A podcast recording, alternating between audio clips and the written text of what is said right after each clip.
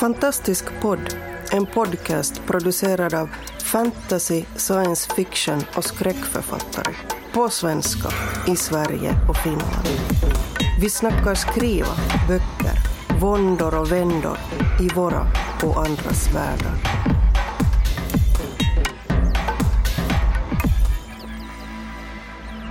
Hej och välkomna till ett nytt avsnitt av Fantastisk podd.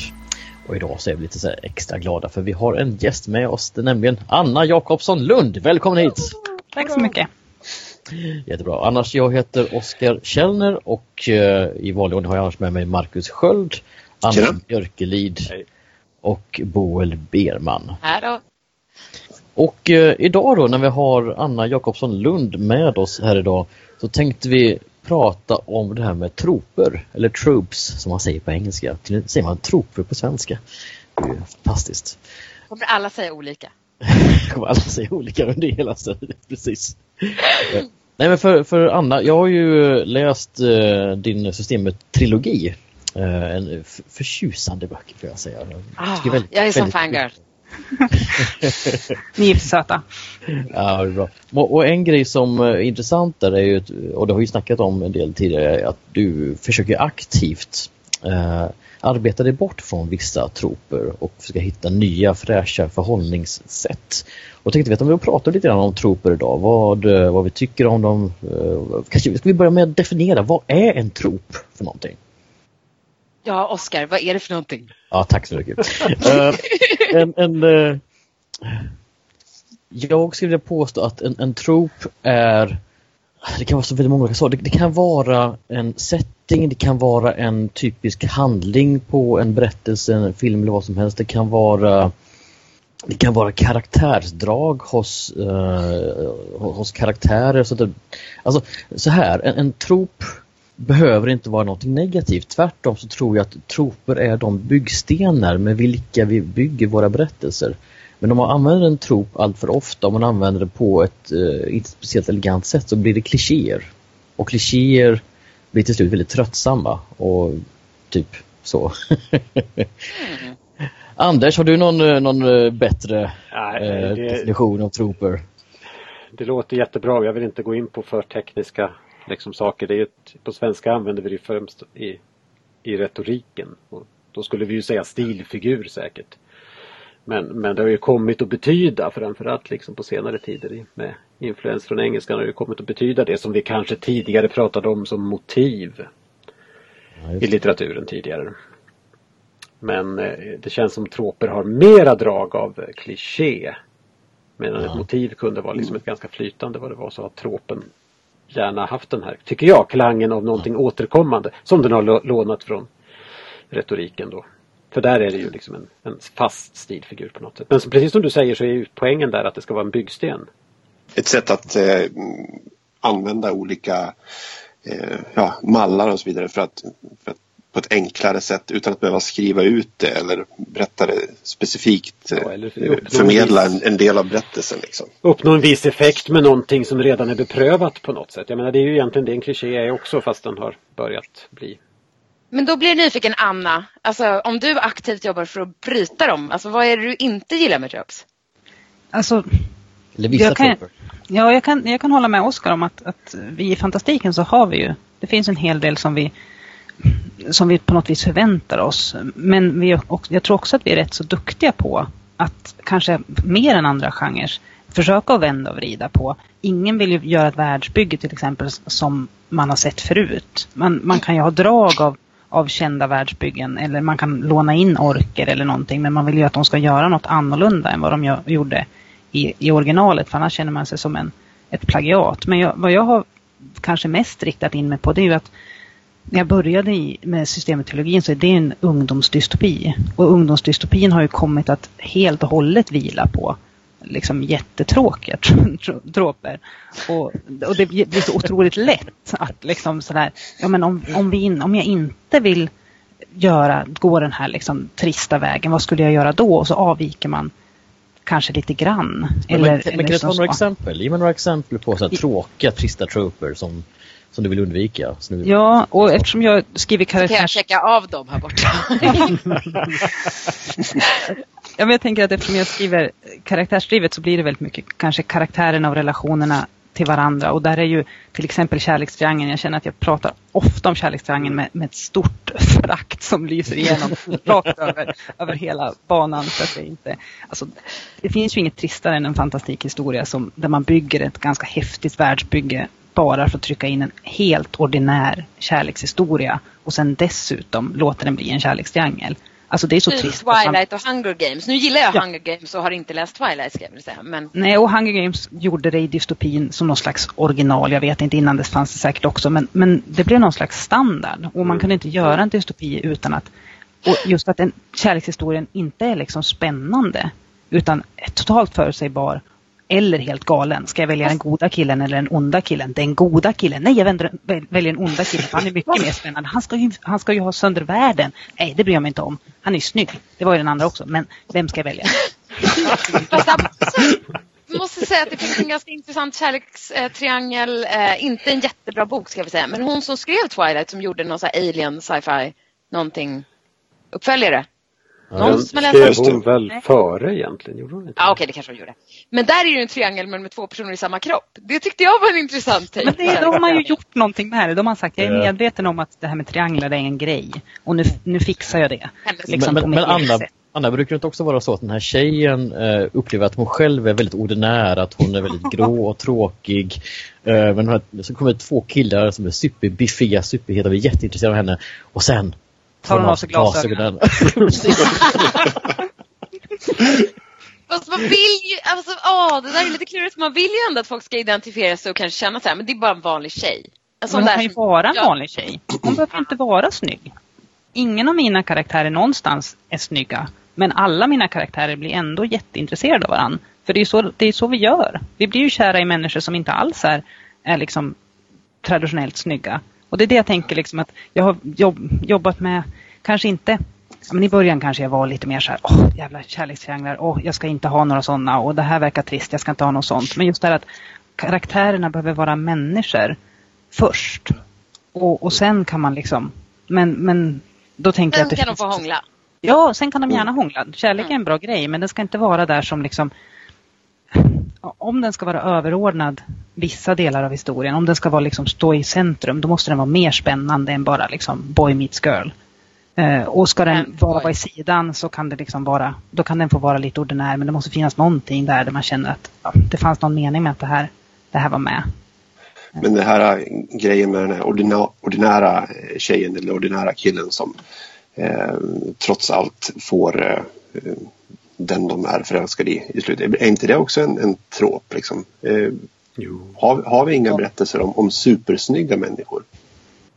Eller kan man inte identifiera sig med dem? Eller varför har vi inte några sådana? Men Där finns det ju, tycker jag, på den amerikanska sidan kan man liksom se vissa amerikanska författare som skriver, kanske framför allt skulle jag vilja säga, inte hundra, men, men väldigt många män som skriver kvinnliga karaktärer får ju, har ju en förmåga att, att liksom stanna upp väldigt mycket vid typiska kvinnliga attribut. Yes. Ja, ni Förlåt. vet var de Ja. sitter. Ja, Men det behöver inte vara amerikanskt. 1Q84, hur många beskrivningar av bröst kan han få in i en bok? Liksom?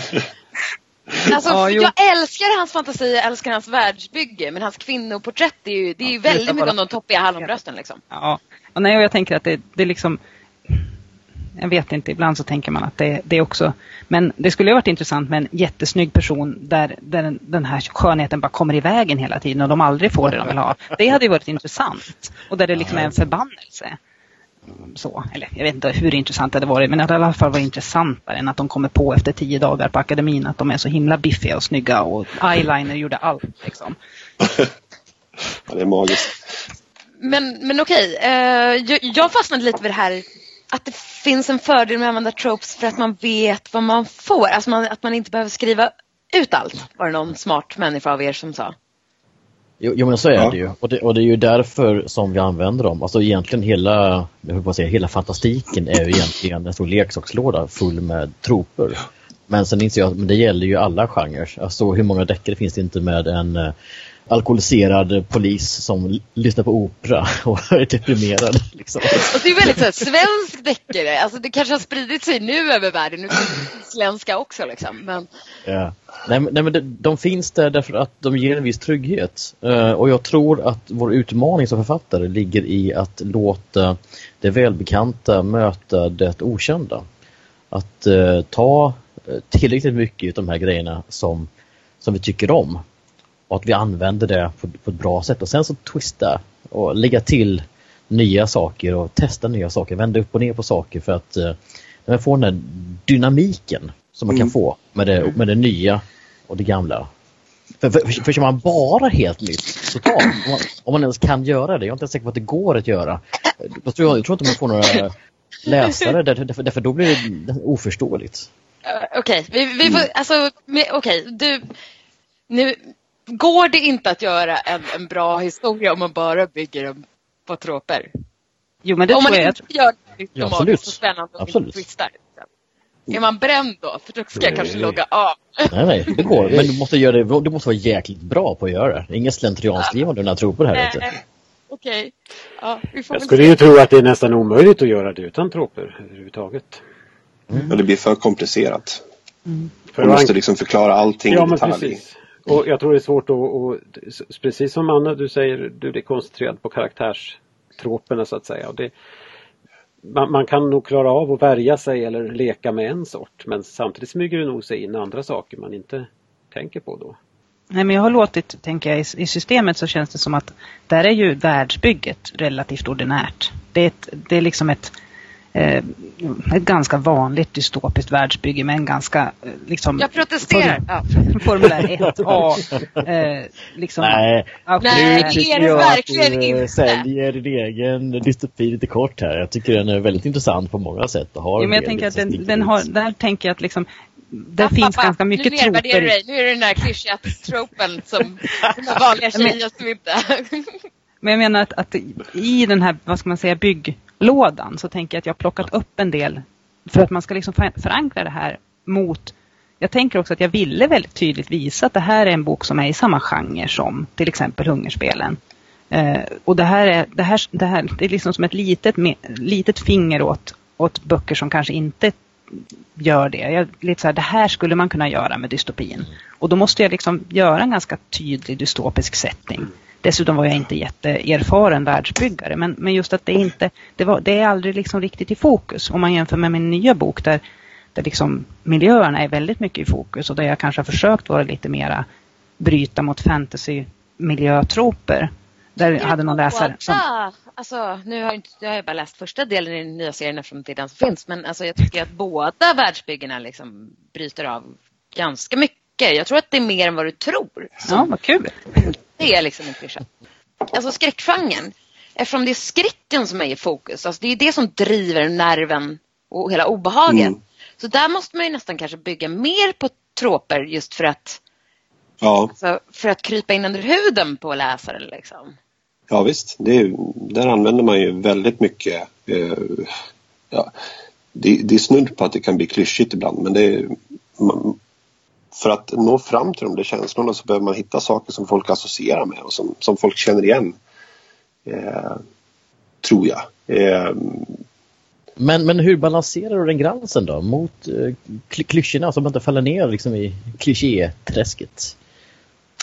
ja, det, alltså det är ju alltid en balansgång det där. Jag tror inte jag har något, något färdigt recept egentligen men Gud vad dåligt, vad är det vi hade räknat med? jag antecknar här. Många bra testläsare kanske som säger hej, det här är lite, lite för klyschigt. Det är ju ett jättebra sätt att, att, att försöka identifiera det här och, och sen så vara stenhård med sig själv när man läser och liksom eh, att hitta de där elementen som är man känner igen lite grann men som eh, man kanske använder på ett annorlunda sätt eller eh, eh, man, man gör att det fortfarande blir en, en viss överraskning någonstans förhoppningsvis. Eh, Men det behöver inte alltid vara en, en eh, överraskning heller tror jag. Man vet att någonting kommer att komma men vet kanske inte bara när. Och ju mer man får vänta på det desto räddare blir man. Och även om det kommer, om man vet att det har kommit så är man ju, du är ju som författare ute efter läsarens rädsla. Och då har du liksom Ja, uppnått ditt mål ändå. Jag tänker att, att det, man, man, ja, det handlar väldigt mycket tror jag om fingertoppskänsla och de här små detaljerna. Ja. Där man, man kanske kan tänka att det som gör att man inte tycker att, om, om det nu är så att, alltså, att systemets världsbygge till exempel, fast det är ganska enkelt, funkar. Det kanske handlar om just det här, jag är ju alltså, väldigt pedantisk när jag skriver. Jag vill ju hitta, för jag försöker alltid hitta den minst, det minsta möjliga sättet att, att föra fram någonting. Vill föra fram någonting så hitta den där detaljen som gör att man känner, oh, det här är ju den Ja, här precis. typen av värld. Och då bygger man väldigt mycket inne i, i läsarens hjärna. För läsaren tar den där detaljen och så växer den när de får in den i huvudet. Och det tror jag kan göra att då blir världen mer unik för att det blir mer av ett Liksom, man har inte gett dem liksom en ritning och sen 3D-bild uppe på och sen liksom färglagt allting. Liksom, utan de bygger sin egen värld och då blir den väldigt mycket mer unik. Ja, precis. Eh, ja, där, nu, nu kan jag komma in med mina klyschor då. Eh, för att jag har ju skrivit något som inte är fantastik. Eh, vi har pratat om det förut, men nu är det ju väldigt nära att det ska släppas. Majken Linds mordmysterier. Som är Oh. mysdeckare i landsbygdsmiljö. Och jag älskar pusseldeckare och jag älskar gamla Agatha Christies och liknande. Eh, och de består ju extremt mycket av tropes och även klyschor. Och jag vet själv inte om jag har lyckats sätta den gränsen mellan liksom, tropes och klyschor själv. Men där är det också så här, från fokuset är på mordmysteriet så behöver man verkligen klara av att presentera kanske sex olika personer i snabba ryck och bara ja, slänga ut det. Och det läste jag en artikel om att Agatha Christie eh, beskrev sina karaktärer extremt lite, medvetet. Bara de mest stereotypa dragen. För att folk skulle fylla in den mentala bilden med typ, vad det nu var, sin morbror eller sin... Eh, jag vet inte om det funkar. Ja men det är det. det alltså ju- just det här att ge eh, en, en eh, karaktär ett enda starkt karaktärsdrag, vad den är för någonting. Att det är, den här killen har, har eh, inga, inga biologiska ögon, han har cybernetiska ögon. Ja, det är han. Och den här, precis. han här borta, han är präst. Han går omkring med prästkrage.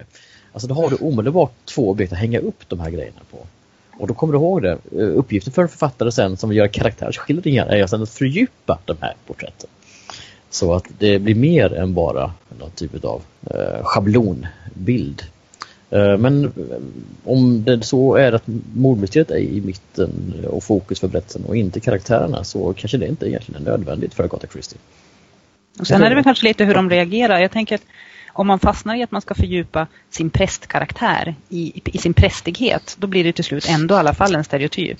Eh, och, och det tänker jag liksom att om man låter de här karaktärerna, man har de här sex stycken som man ändå har gett ganska tydliga bilder av vilka de är. När de sen reagerar mot varann och mot, mot mysteriet i det här fallet då, då, då fördjupas de ju ändå i liksom, inom ramen för historien. Och det tänker jag också att det liksom att inte hänga upp sig så mycket på att man har skrivit, eh, ja men som i min nya bok är det ju många karaktärer som går utanför eh, liksom den, det vi ser som, som kanske en konventionell könsram.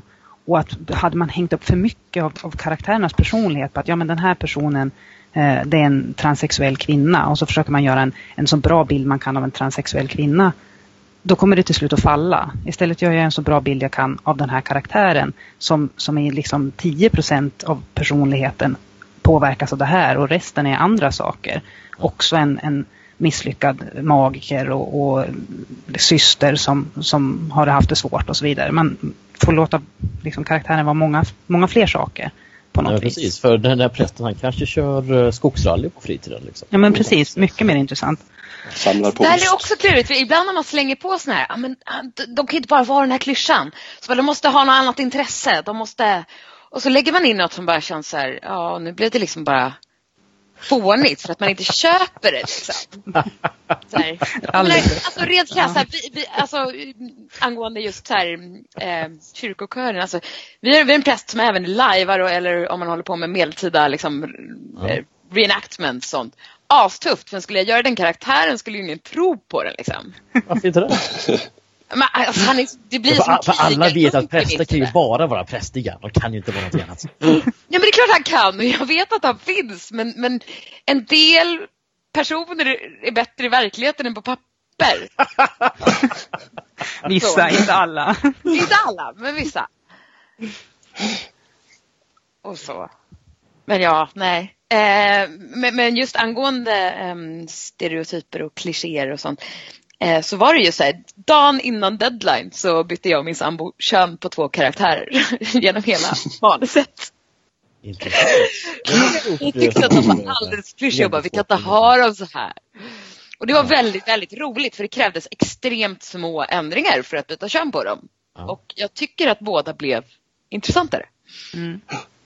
Jag har gjort det också. Tre gånger. Jaha, titta där. Så Ja, men alltså, det är ett av de det, alltså. bästa knepen jag vet att bryta stereotyper. Det är att alltså man har skrivit en karaktär och har i huvudet haft den här ja, men medelålders mannen som en krigare, whatever. Och så bara, fast nu är det en medelålders kvinna. Och bara, Mm. gör det någon skillnad för karaktären? Nej, det gör egentligen oftast inte speciellt mycket för att din karaktär. Jag Eh, är lite också det är ett jättebra sätt. Ja men precis, då hittar man ju, och sen hittar man ju sig själv där också. För nästa gång man skriver en karaktär så kommer man ju på att, men varför hade jag sådana problem med att tillåta den här karaktären som jag precis bytte kön på, att vara på det här sättet? Det var ju för att jag, hade, jag har någon slags idé om att, nej men, men min kvinnliga skurk måste vara på ett särskilt sätt. Men när, när hon blev man, äh, då funkar inte det. Och då blir man ju mycket bättre på att, när man gör nästa karaktär, tänka, ja men vad är den här karaktärens mänskliga egenskaper istället för bara de här som hänger ihop med något slags ytligt, liksom, som till exempel kön. Och det, då lär man sig någonting på egen hand också, tycker jag. Eh, Så att det är ett jättebra knep. det är jobbigt att konfronteras med sina egna liksom, fördomar och, och stereotyper som bara kommer springandes. Liksom. Så bara, här tyckte man att man var liksom öppensinnad. Och så bara, Jag undrar hur många författare som, som läser de här. Eh, Bokhuset har ju sådana genderbends eh, där hon, Katja byter kön på karaktärer i ofta svenska, kända svenska deckare eller svenska utländska deckare. Om man var en författare och fick, fick någon som gjorde en sån grej mot en och man inser hur man hur otroligt, där kan vi prata om liksom stereotypt och tråkigt man skriver där, där liksom skulle man någonsin kunna se sig själv i spegeln igen? Det är ju liksom det är en sån här fråga man får ställa sig ibland. Att, kan jag stå för det här? Är det här en bra grej överhuvudtaget? Och då liksom i alla de här trista stegen. Om man skriver en fantasyhistoria som är bara som alla andra fantasyhistorier man någonsin har läst. Liksom, varf- varför då? Nej, jag har sett något om det som Katja gjort på Bokhuset och eh, det är ju helt gräsliga alltså, verkligen. Alltså de kvinnoporträtten. Och det blir så bisarrt eh, komiskt när hon vänder på det så det blir en man istället. Det, det kan jag rekommendera våra lyssnare att eh, gå och googla på Bokhuset och på, ja, på Genderbender kanske. Ja, jag tror hon, brukar, hon har en sån. Sen heter Genderbender. Så får vi se vad som dyker upp. Men hörni, jag jag, älskar sånt där. Jag skulle säkert behöva det. Eh, angående dataspel så fanns det ju så här eh, eh, Mend Her Armor fanns det. Och sen fanns det ju ett projekt där de bytte, där de gav manliga superhjältar kvinnliga outfits. Alltså, och placerade dem i kvinnliga superhjälteposer. Och det var ju också a sight for sore eyes alltså. Mm. Jag håller på annars och skriver, eh, jag skriver faktiskt eh, rymdopera nu. Eh, Så, jag har ju varit inne ganska, jag har, varit, jag har varit inne ganska mycket i, i science fiction-världar. Just världskonstruktion på, på sistone. Så jag har faktiskt en, plockat fram några av de troopers som jag försöker undvika. några av de troopers som, som jag stör mig på varenda gång som jag stöter på dem. De är ganska vanliga. Till, till exempel det här. Om vi har aliens som reser över kanske flera hundra ljusår, investerar enorma mängder resurser och tid för att ta sig till jorden bara för att invadera jorden. För att stjäla våra resurser när de antagligen hade kunnat hitta dem eh, precis där de bodde. Som till exempel vatten. Jag tittar på dig, det är hotet. Eller guld. Jag kollar på dig, Cowboys Aliens.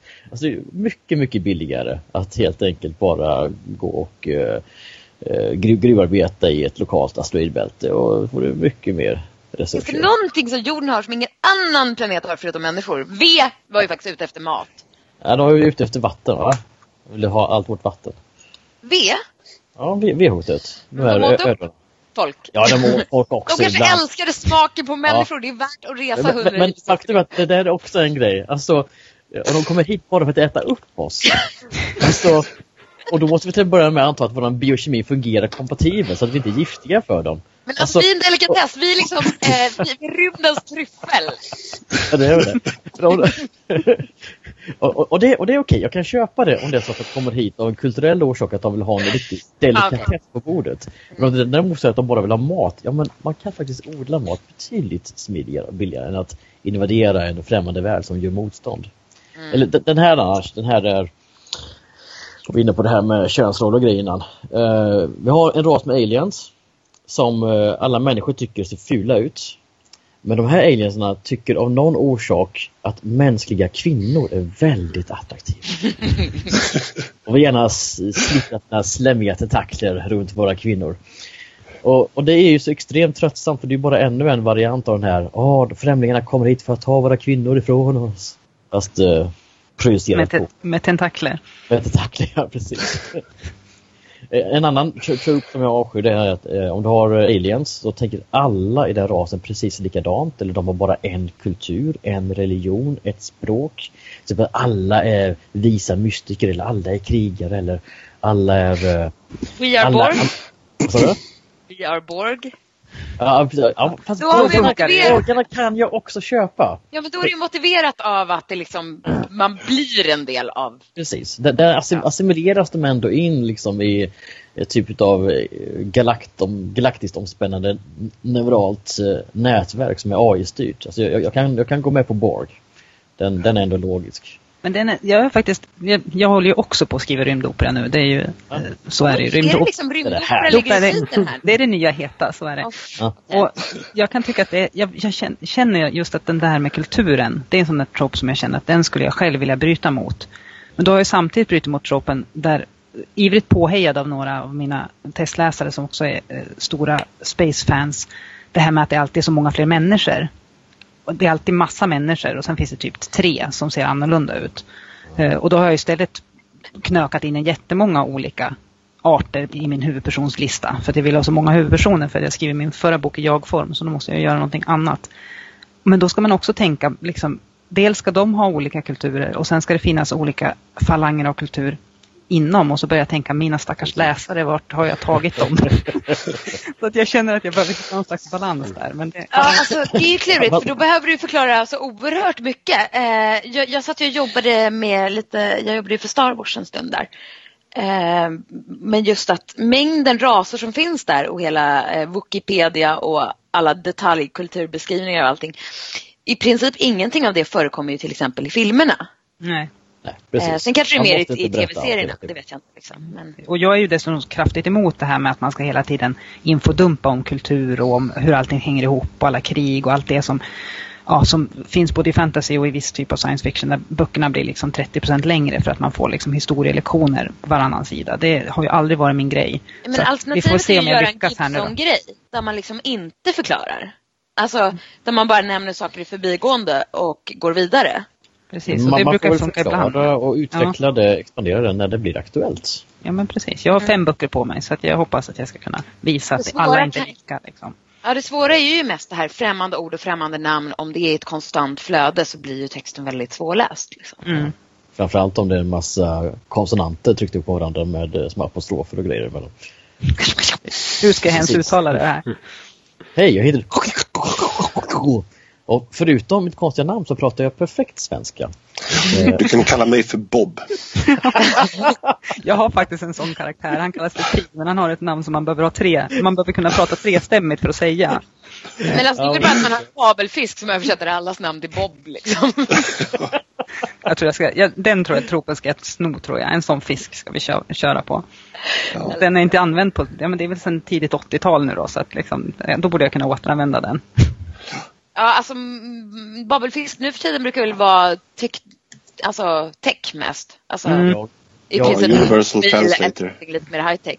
ja, jag kör faktiskt med en sådan i min serie. Jag har eh, små nanomaskiner som ligger bak i hjärnan som har koloniserat hjärnbarken och som oh, smart. simultanöversätter åt alla. Det tycker jag faktiskt, eh, om man tar ett exempel, så tycker jag Star Wars har gjort det där ganska så smidigt. Att de, eh, de som bor i den galaxen är helt enkelt väldigt bra på att lära sig språk. Mm. De lär sig R2 Peep och de lär sig eh, Wookie-vrål och eh, Greedo-snack och Jabba-prat.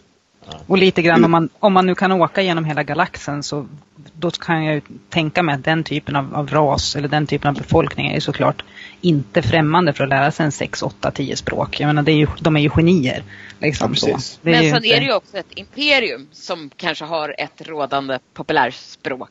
Så. Ja, det finns ju Galactic Basic. Mm. Men jag läste faktiskt en fanfiction när Star Trek mötte Star Wars för säkert 30 år sedan. Eh, och där tog de faktiskt upp den, den lilla detaljen att, att de tillfångatog någon, någon eh, Star Trek-människorna tillfångatog någon från eh, Star Wars-världen och han lärde sig väldigt snabbt eh, ja, vilket språk det är nu, förmodligen engelska som pratas i Star Trek. Men det finns Trots att han inte och Star. Wars. Det finns en grej jag tycker Star Wars gör väldigt bra. Jag tycker att de ändå har väldigt många olika sorters, eh, alltså de ser fysiskt olika ut.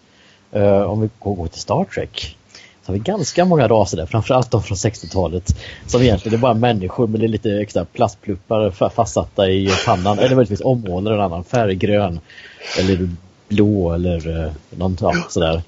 Och eh, Budgetbegränsningar. Ja, alltså då ge mig Farscape vilken dag som helst. Där hade vi mycket roligare. Men det var ju Hanson är ju- Company också med sina dockor. De, de bara lekte ju. Men där är ju magin med att vi skriver. Ni kan ju skapa precis vad ni vill utan begränsningar till budget. Just, Ja, det är jättebra. Och, och, det, och där sörjer jag alltid att jag aldrig vågar ta ut svängarna tillräckligt mycket och skriva var, var, var, varför har jag inte er fantasi att jag bara åh nu ska jag skapa nya raser ur ett helt nytt värld. Jag bara, eller så skriver jag om ett hus på landet. Fast, fast när man får, jag har ju en gång blivit kontaktad av, det är sånt där man, man, man försöker skapa myten av sig själv, att jag blev kontaktad av ett filmbolag som sa att jag skulle jättegärna vilja göra film på tredje principen, fast det är ju alldeles för dyrt. Så bara, ja, men varför tar du då kontakt med mig? nu får jag ju veta att jag aldrig någonsin kommer att ha råd att göra, göra film på det Jag här. ville att du skulle göra en budgetversionsmanus där du så här Ja, nej. skalar ner allting och bara det ser ut som Stockholm idag i kombination med Östersund. Ja, precis. Nej, så att jag tänker att ibland kan det vara väldigt bra att göra, jag tänker skräck är en typisk sån bra sak. Man kan ju göra skräck i en, en mörk skog och det blir så jävla läskigt. Och det funkar ju på film också. Eh, så att, eh, ja. Men det är härligt. troper. Vet, ni vad? Uh, våran tid håller så på att. Nej, vi hade ju kunnat Vad är ta det? dig i evigheter om det här. Men uh, har, ska vi ta ett varv runt då? Uh, era bästa tips för att Eh. inte glida ner i klichéträsket. Jag tycker vi, Ja. ja, jag tycker vi har eh, snuddat vid en sak bara som vi liksom inte Ja. har riktigt kommit fram till. Det är ju det här att, att troper fungerar ju bra som, som byggstenar på olika sätt men det, det, vi, det som ligger under ytan i mycket av vad vi säger är att de också har en stark konserverande effekt. Att de oftast är effektiva för att de på något sätt fungerar i ett visst samhällsklimat och att det samhällsklimatet kanske inte alltid är önskvärt. Så att det är ju också det, det vi liksom kämpar mot när vi försöker vända på troper. Att, att de signalerar någonting som är bekant men som vi samtidigt kanske inte trivs med. Inte bara för att det är tråkigt berättarmässigt utan för att vi har andra motiv. Och där ja, Vi har varit inne på könsroller någonstans där men det finns ju liksom många, många fler sådana aspekter överhuvudtaget. Det är väl en orsak till att vara lite försiktig. Det blir så allvarligt så nu blev ni alldeles tysta. Ja, förlåt. fast det var helt rätt. Mm. Alltså, just när jag, angående pusseldeckare när man läser tidiga Agatha Christie, alltså eh, jag kan inte ens återge vissa av saker för att det verkligen är så här som man Nej. bara Nej, skrev hon det där? Och så här, Igen, ja, Igenkänning och liksom reproduktion är inte riktigt samma sak. Det alltså reproduktion av värderingar, inte reproduktion som i sex. Mm. Alltså, Tack vi, vi, ja, ja. Jag kände att det behövdes. Oftast när vi säger reproduktion är det ju faktiskt sex. Jo, Det, det händer väl. Ja, jag vet inte. Yes. Ja, men ska vi... Det, det var så visa ord det där så jag, vi Ja, det kändes där bra. faktiskt. Det kändes som en bra avslutning. Jag dödade diskussionen alltså. Nej, nej. Du fullbordade, Ja, tack. fullbordade diskussionen. Snällt sagt. Allt för snällt sagt. Ja, det är bra. Gott! Då så, tack så mycket. Vi får säga eh, tack allihopa och eh, tack Anna för Tack, att Anna, du var ja. med oss på det här eh, fantastiskt roliga lilla samtalet. Tack så hemskt mycket. Yes. Ja. Hej då allesammans! Hej då! Hej då! Hej då! Du har lyssnat på Fantastisk podd. Om du trivdes i vårt fantastiska poddsällskap och vill ha mer så hittar du äldre poddar och information om oss som deltar på vår hemsida under fantastiskpodd.se och på vår Facebook-sida Fantastisk podd. Har du frågor eller förslag på vad du tycker att vi ska tala om, hör gärna av dig antingen på Facebook eller via kommentarer på hemsidan. Vi hörs! Jag som hade så många fler troops jag ville hacka på. Förlåt! Då kan man ju hålla på hela Staden natten. i öknen, staden på berget som har omöjliga ekonomiska förutsättningar för att existera. Ta, ta en lista på. Eller, Alltså, den, den, eller den superintelligenta AI som beter sig mer korkat än människor. Och så vidare. Alltså jag känner nästan att du får antingen läsa in det här på egen hand själv, lika exalterat som du gjorde nu. Och så belägger du det i slutet av avsnittet och man bara hör så här. Tonar ut hur bara... Tänk på ökenplaneten som har ett enda klimat! Eller isplaneten. Djungelplaneten. Ja, det är djungel! Men- Från, från Sydpol till Nordpol. Inga klimatzoner här inte. Mm, jag tittar på dig Star Wars!